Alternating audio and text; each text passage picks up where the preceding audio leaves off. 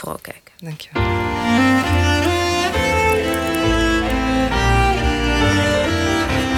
Het spoor terug.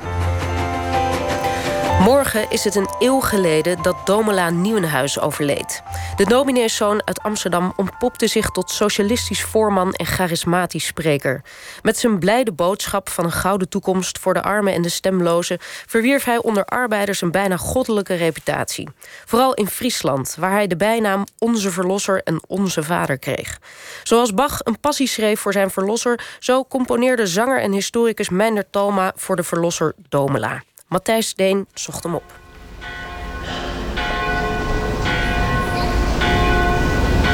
Dat leidersverhaal.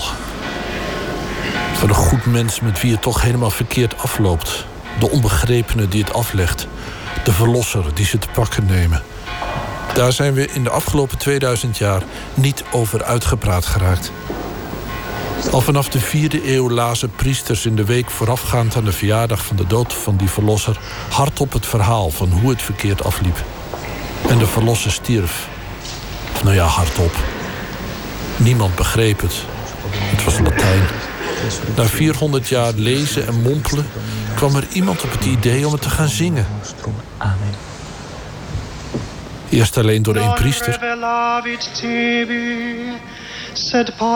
Maar omdat het verhaal, hoe het ook went of keert, grote dramatische kwaliteiten bezit en er meerdere herkenbare personages meedoen, begonnen er ook meerdere priesters mee te doen. En omdat bovendien de ontwikkeling van de meerstemmige muziek niet stilstond, evolueerde het leidersverhaal vrij rap van een vraag- en antwoordspel tot een script waar de beste van de tijd zich op stortten.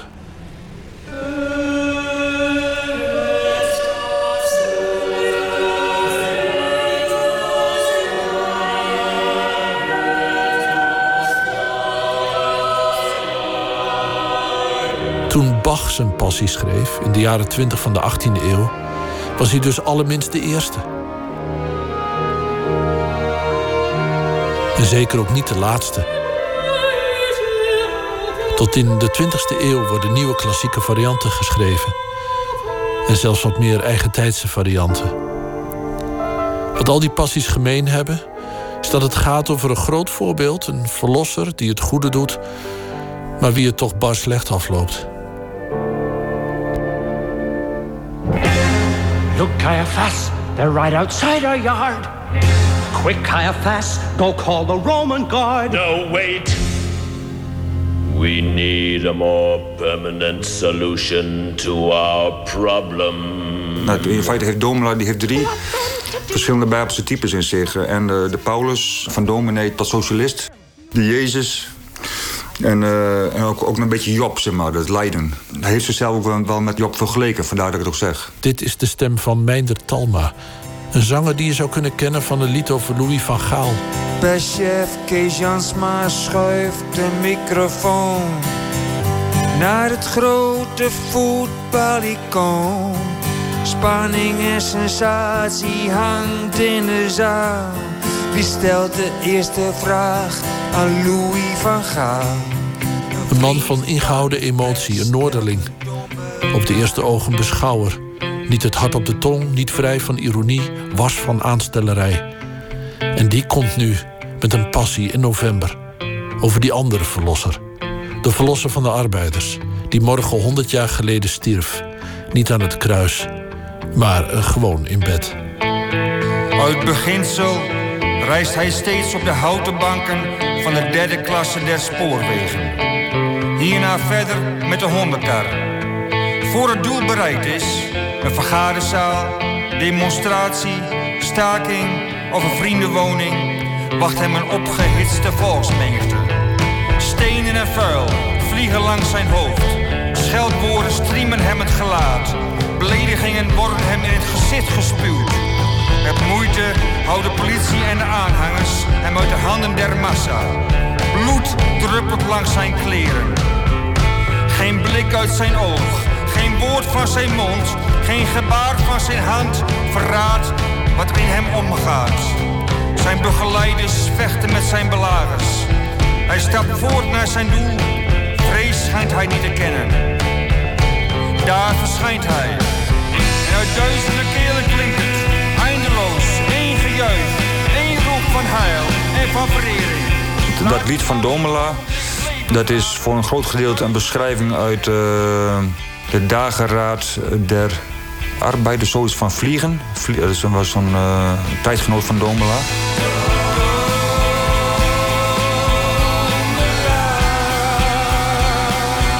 Ik heb me ook helemaal niet echt verdiept in wat nou de echte passie-elementen moeten zijn. Ik heb dat, dat ook niet bewust nagevolgd. Maar gewoon heel globaal van, ik wil wel met een koor...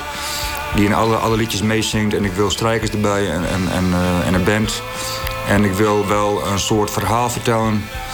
dat een beetje uh, die Domela kenschetst. Die, hele worsteling met het geloof en altijd die Jezus-identificatie... Jezus en zijn eigen lijdensverhaal dat hij drie vrouwen en vier kinderen in zijn leven heeft moeten begraven. Hij is binnengetreden zonder dat zijn gelaat ook maar één spoor van emotie toont. Hij spreekt de massa toe en zegt haar dat de hulde niet hem betreft, doch het sociale beginsel waarvan hij de drager is. Zijn hoge en slanke gestalte geeft een indruk van zachtheid en kracht tegelijk. Uh, dat, is ook een heel mooi gegeven dat hij uh, ook al altijd een beetje als een soort messias uh, gezien werd. Maar, en er ook wel een beetje mee speelde. Hij ging ook bewust altijd die, die voorbaard en dat lange haar. En hij, hij nam altijd afstand van, van de mensen. En hij sprak heel zacht. En hij bleef altijd kalm onder elke omstandigheid. Al, al werd er nog zoveel geknokt en, en, was er rumoer. Maar dus hij en hij heeft er ook wel op gezinspeeld in zijn autobiografie... van christen tot anarchist. Nou, dat hij als verlosser gezien werd... en daar voor mij ook niet zo heel veel moeite mee had. Maar hij heeft altijd wel gezegd van... gij moet uw eigen verlosser zijn. Maar, dus hij, het feit bijvoorbeeld dat hij toen de gevangenis ging... dat had niet gehoeven. Maar hij heeft bewust dat, dat, dat martelaarschap op zich genomen. Want hij had toen, was toen in zijn blad Recht voor Al... en was er een stuk gekomen over het de koning en de koningshuis. heel schandalig stuk uh, voor, die, voor die tijd. En dat had iemand anders geschreven. Dus, uh, maar hij heeft gezegd van, ik, het is mijn, uh, ik ben hoofdredacteur, ik ben, dus ik ga de gevangenis in. Het hoogste, beste dat de mens in zijn leven bezit, is zijn overtuiging. Als hij een andere overtuiging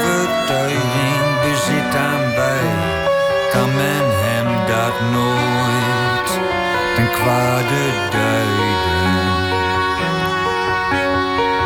Maar wel dat hij geen overtuiging heeft, wees altijd een mens van overtuiging.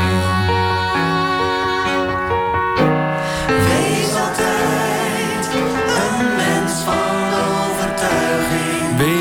overtuiging. Maar heel veel persoonlijke liedjes in de ik-vorm. Uh, zoals Mens van Overtuiging, uh, Ik niet voor gezelschap, Conversatie, Lieven is Leven, Slotsom. Uh, dat, ja, dat zijn allemaal een beetje citaten uit dingen die ik heb gelezen... of in Van Christen tot Anarchist of in brieven... die ik dan tegenkwam in, in biografieën van Stutje en Meijers. Wees Hij was een ontzettende workaholic. Hij was altijd aan het werken, ook moeilijk benaderbaar eh, voor zijn kinderen en dergelijke. Maar hij zei, voor in, in arbeid heb ik altijd mijn troost gevonden. En uh, hij was toch een heel bijzondere figuur die nog decennia lang nog heeft, heeft doorgewerkt in de harten van mensen. Nu, ik merk nu wel dat hij wel een beetje vergeten is. Uh, veel generatiegenoten die kennen hem niet eens of heel vaag. Dus dat, dat, dat is heel gek. Uh. Zo geliefd ik was bij mijn medestanders. Zo gehaat werd ik door mijn vijanden.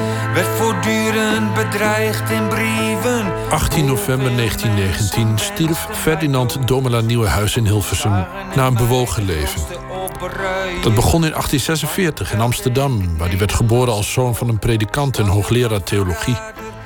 Hij werd zelf ook predikant, maar gaf het preken eraan toen hij zag dat de problemen op aarde niet zozeer hemelse verhalen nodig hadden, maar aardse oplossingen.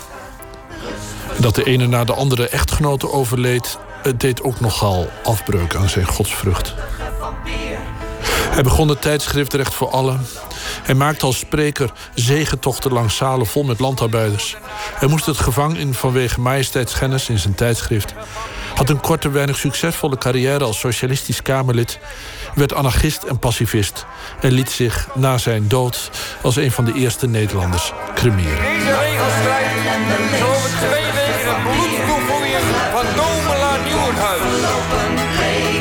ik ben opgegroeid in Sterhuizenveen, eh, een grensdorp tussen Groningen en Friesland. Daar had je vroeger ook de Surveenster Heide. Dat was echt een heel arm gebied met allemaal plaggenhutten. En, uh, dus daar was Domela ook wel een, uh, een beroemde figuur, uh, en, en populair. Hij was, hij was een Amsterdammer, maar het feit dat hij als westerling... in mooie kleding, een heel beschaafd man, zich dat hij de mensen wilde helpen. Dat heeft, dat heeft heel veel impact gemaakt in Friesland. Dus uh, ze noemden hem uh, Us Verlosser of vader zelfs. En dus, uh, ja, hij werd als een soort godheid ontvangen. Ik heb wel een beetje de policy altijd gehad van dat je niet al te veel je moet storen aan rijmdwang. Want de finesses van een tekst die gaat dan verloren. En er, zijn heel veel mogelijkheden om toch van een zin een, ja, mooi liedje te maken of zoiets. Dat, dat,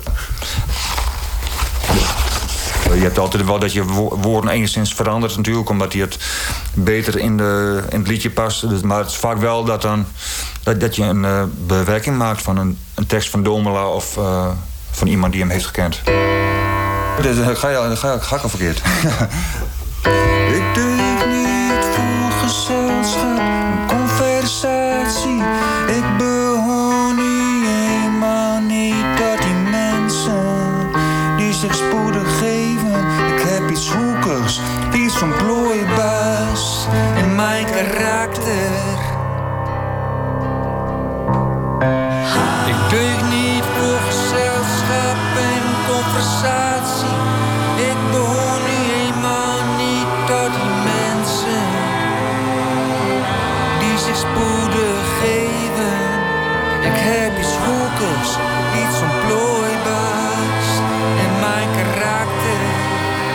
een beetje aan het brainstormen ook met uh, Jan-Pier Brands, mijn uh, gitarist. En, uh, die, die, die daar al samen speel sinds 95. En toen zei hij van...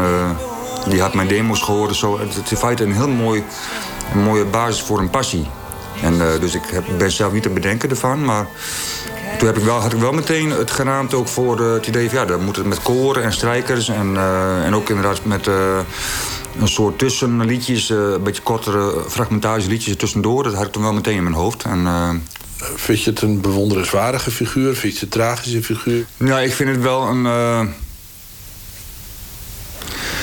Een beetje tragisch, omdat hij nooit zijn politieke standpunten heeft kunnen verwezenlijken. Omdat hij ook vaak een beetje een eenling was. Hij was wel heel goed het boegbeeld van een organisatie... maar hij had niet de, de capaciteiten om het uh, in een bepaalde politieke structuur te vangen. Omdat hij ook, hij wilde in feite het socialisme van onderop. Smatroesta die wilde van bovenaf, uh, gewoon een staatssocialisme. En dat is natuurlijk ook veel uh, makkelijker, omdat...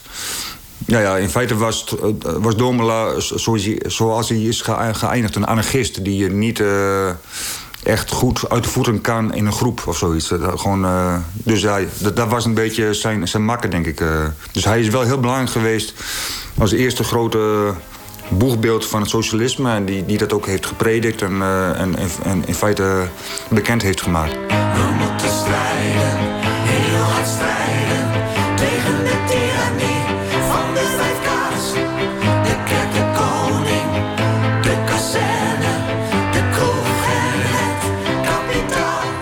Heb ook niet alle dingen in de liedjes kunnen vangen... maar wel het, het, belangrijkste, denk ik. En dus ja, dat, dat, dat, dat, was wel een beetje een worsteling van hoe ga ik het aanpakken. Maar ik had wel ongeveer de thematiek in mijn hoofd van...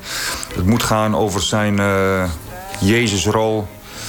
Die, of tenminste Jezus, die, die voor hem heel belangrijk was uh, gedurende zijn leven... als dominee, socialist en anarchist. En ook dat hij zelf werd gezien als goed Jezus. Je moest een balans vinden tussen het persoonlijke lijden en de boodschap. Ja, en ik wilde ook niet dat, dat je te veel doordraaft in, in politieke dingen... die de mensen nu uh, toch niet begrijpen. Het moet wel gaan over echt een persoon die, uh, ja, die worstelen met bepaalde dingen. En, en, uh... We moeten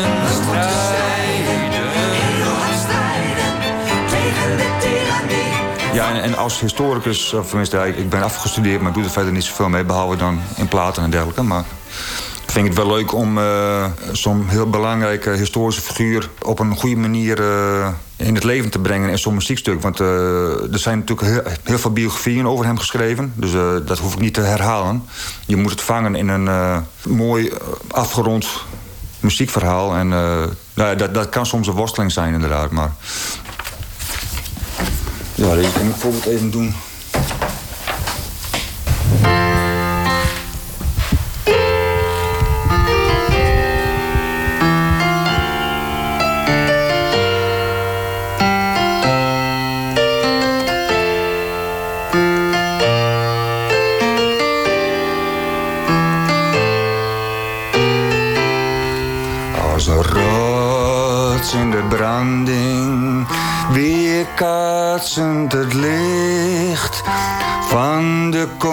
Komende dag.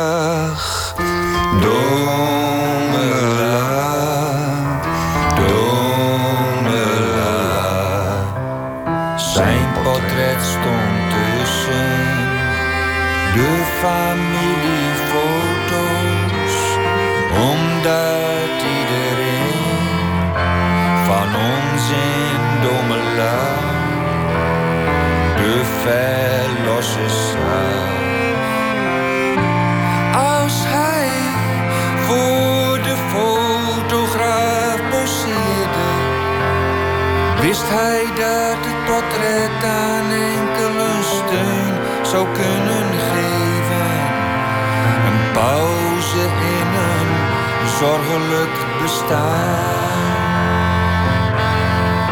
Wat ik, wat ik daar heel mooi aan vind, is dat het ook een soort verscheurdheid in die persoon is. die aan de ene kant moeite had om zich te geven, aan de andere kant dus al die, al die aandacht nodig had. Het is eigenlijk Ja. een soort, soort eh, profiel van een, van een artiest. Ja, klopt. Dat was hij in feite ook wel. eh, dat, eh, ja, hij is altijd een dominee gebleven, een sociaal dominee dan op het laatst. En een dominee is in feite ook natuurlijk een artiest. Die, die moet een preek houden.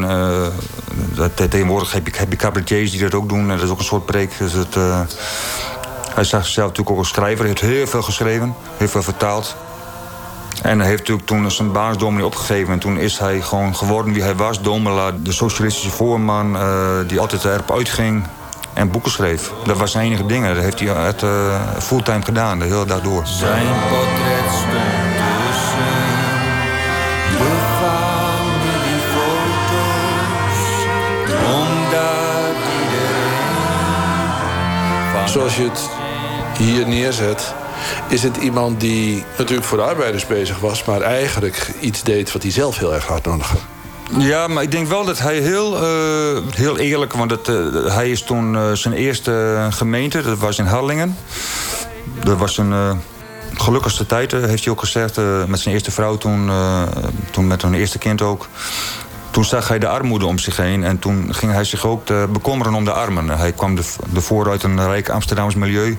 En toen ging hij beseffen van, eh, nou, dit, dit is niet goed. Ik ben bezig met het verkondigen van eh, de hemel eh, die, die naar je leven komt. Maar we moeten ervoor zorgen dat de hemel op aarde is. Maar dat, dat was zijn ding in feite. De, mensen moesten de hemel op aarde kunnen ervaren. Om voort te kunnen blijven gaan.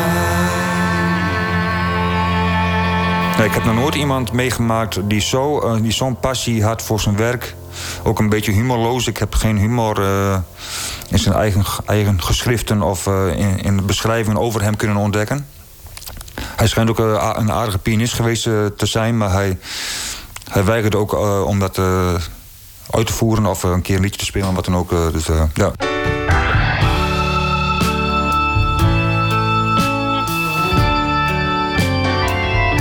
Die tragische omstandigheden, bijvoorbeeld in, in, in het liedje De Vier Johanna's, dan, dan zing ik ook van dat dan eh, zijn eerste vrouw eh, een muziekkastje eh, zelf had gemaakt voor bij de piano. En toen was hij natuurlijk heel gelukkig en, en dat- heeft hem wel, eh, nou, wel, er was een flinke klap in, zijn leven. Van haar was mijn hart vol en liep mijn mond over. Ze was charmant van goede huizen. Niemand was er grappiger, niemand was er liever, niemand was er mooier. Ze was ook handig. Ze verraste mij met een zelfgemaakt muziekkastje. Dat mooi zou staan bij de piano. Harlingen was de beste tijd van mijn leven. De geboorte van onze eerste zoon. We waren een onafscheidelijk trio. In Beverwijk beviel Johanna van ons tweede kind. Theodor, gave van God. Negen dagen later was Johanna dood. Heere geeft en neemt ook een vrouw vol levenskracht. Zes dagen voor haar 25ste verjaardag. De rest van mijn leven heb ik nooit over Johanna kunnen spreken. Zonder dat de tranen En toen heeft hij later ook door zijn eigen eh, eh, tragische omstandigheden... dat zijn eerste vrouwen eh, omkwamen met kraamkoorts. Toen is het bij hem ook helemaal afgebrokkeld. En nu is hij alleen nog maar... is alleen nog, nog Jezus de, de blijvende factor geweest eh, in zijn leven. En hij heeft natuurlijk ook eh, altijd dat hij, ook als de, de sociale grote man, eh, altijd die Bijbelse symboliek gebruikte. Eh, ook in zijn redenvoeringen had hij altijd heel veel Bijbelse citaten. Toen hij de gevangenis in moest, vanwege een stuk in Recht voor Allen, zijn blad. toen had hij ook allemaal citaten over Jezus en dat, hij, ja, dat iedere grote verlosser zijn, eh, zijn eh, la- leidenspad moet, moet eh, navolgen worden. Ook. Dus hij had heel veel Bijbelse, Bijbelse citaten altijd. Kruispook, geloof ik, hè? Ja, ja. Het uh, refrein is uh, van, uit een gedicht van Multatuli, van Kruispook. Uh, maar dat heeft hij toen voorgedragen toen hij aan de vooravond dat hij de gevangenis inging. Iemand anders had het geschreven. Hij neemt wel de verantwoording. Een jaar in de cel. Overleeft hij dit wel? In een volgepakt volkspark spreekt hij een afscheidsgroet.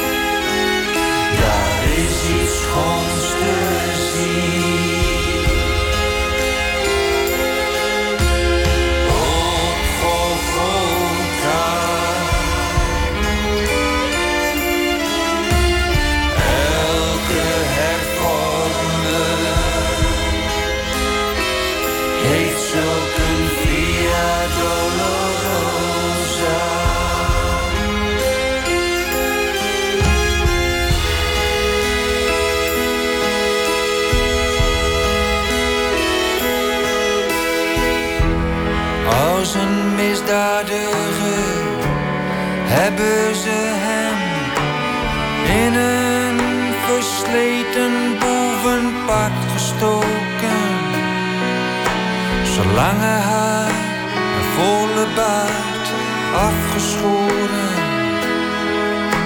De Christus-symbolen zijn hem ontnomen.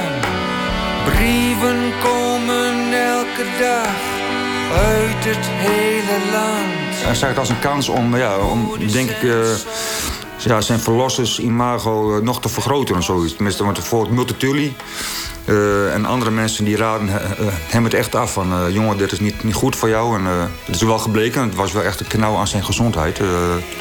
ontzettend vermagerd en, en ziek kwam hij er feite uit, uit de gevangenis. Maar ja, hij is toch wel weer een beetje opgepakt. En, uh, en, toen was hij wel de grote held in Nederland. Dan ook de meest gehate man van Nederland uh, toen in die tijd. Dat je dat moet doorstarten dan, uh, zo'n compositie. Terwijl je in feite toewerkt naar het grote lijden. Ja. Maar dat het daarna nog doorgaat, vond je dat lastig? Nee, nee, nee. Want uh, ik vind bijvoorbeeld het einde van de plaat, uh, de voorstelling ook heel mooi. Dat bijvoorbeeld in, uh, in Slotsom, het 14e lied, dan zegt hij van. hij heeft niet echt heel erg geleden in zijn leven qua armoede en dergelijke, maar. Uh, nou ja, wel, wel heel veel moeten doorstaan, maar door, door de arbeid. Hij was een ontzettende workaholic. Hij was altijd aan het werken, ook moeilijk benaderbaar voor zijn kinderen en dergelijke. Maar hij zei, voor in, in arbeid heb ik altijd mijn troost gevonden. Ik heb dus alles zelf doorgemaakt en behalve honger en gebrek alles ondervonden. Wat een arm mensenhart ondervinden kan. Wat een arm mensenhart ondervinden kan.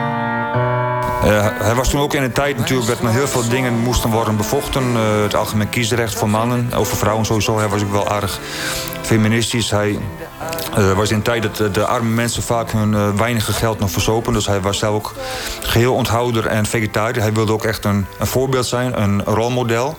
Dus hij, er waren in die tijd heel veel dingen te bevechten. Hij was anti-militarist. Anti en heel veel dingen, nou ja, dat, dat, was toen natuurlijk een heel andere tijd dan nu. Nu, heb, nu heeft in principe ieder mens heeft een soort basisinkomen waar hij uh, zijn eten mee kan krijgen. En dat was in die tijd heel anders.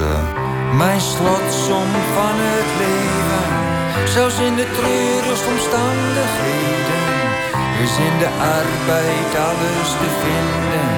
Wat een mens behoeft tot nou ja, en, en, dan het, het, feit dat hij toen begraven is... en dat, dat het de grootste rouwstoet ooit was in Nederland. Ik vind het ook een, een heel apart gegeven dat er nooit een film is gemaakt... of een tv-serie over hem. Terwijl hij zo'n dramatisch leven heeft gekend... en ook ja, de, de, de grote socialistische uh, man was in het begin samen met Troelstra. Dus het is heel gek. Nog nooit zag Nederland zo'n grote rouwstoet... Haven nabij, dus dragen de kist Tienduizenden mensen staan treurend langs de kant. Huilende moeders stelen te doen vergeten. Agenten brengen onwillekeurig het saluteken.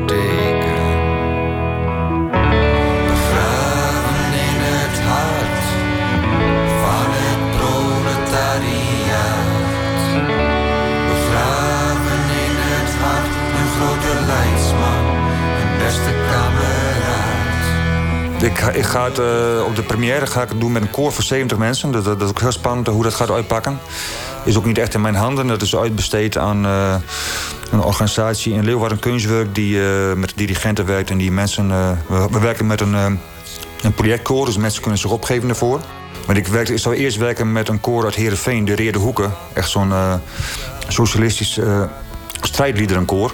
Maar ik kwam daar aan bij de eerste repetitie en ik merkte meteen al van uh, dit gaat niet werken. En ze vonden ook heel vaak neerslachtig, de teksten en zo. Dus het was niet echt hun ding.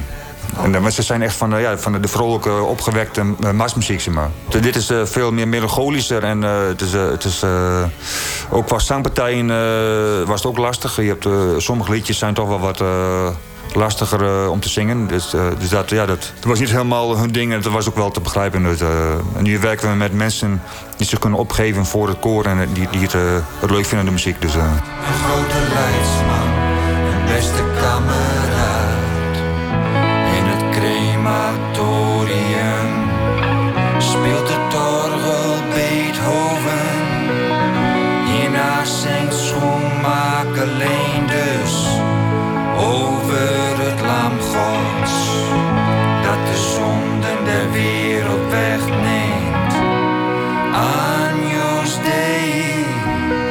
Was jouw stijl tegen Domela opgewassen of Domela tegen jouw stijl opgewassen? Of heb je nu en dan het idee gehad, ik kom hier aan mijn grens?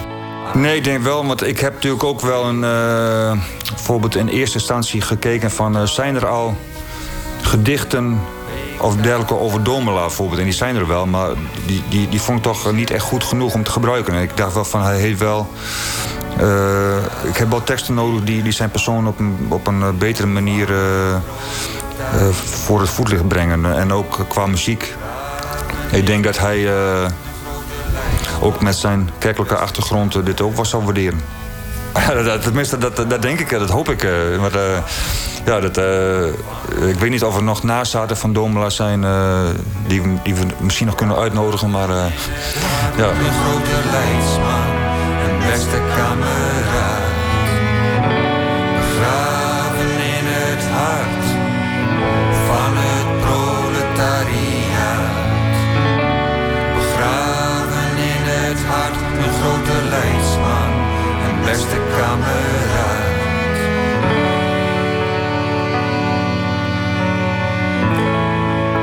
Ja, dat was Meijner Talma. En zijn Domela-passie, een spoor van Matthijs Deen. Vanmiddag wordt de cd gepresenteerd in het Museum Heerenveen. Op het festival Explore the North is de grote oeropvoering van de passie. Daarmee, geachte luisteraars, laat ik u over aan de verpozing die de radio u plicht te bieden.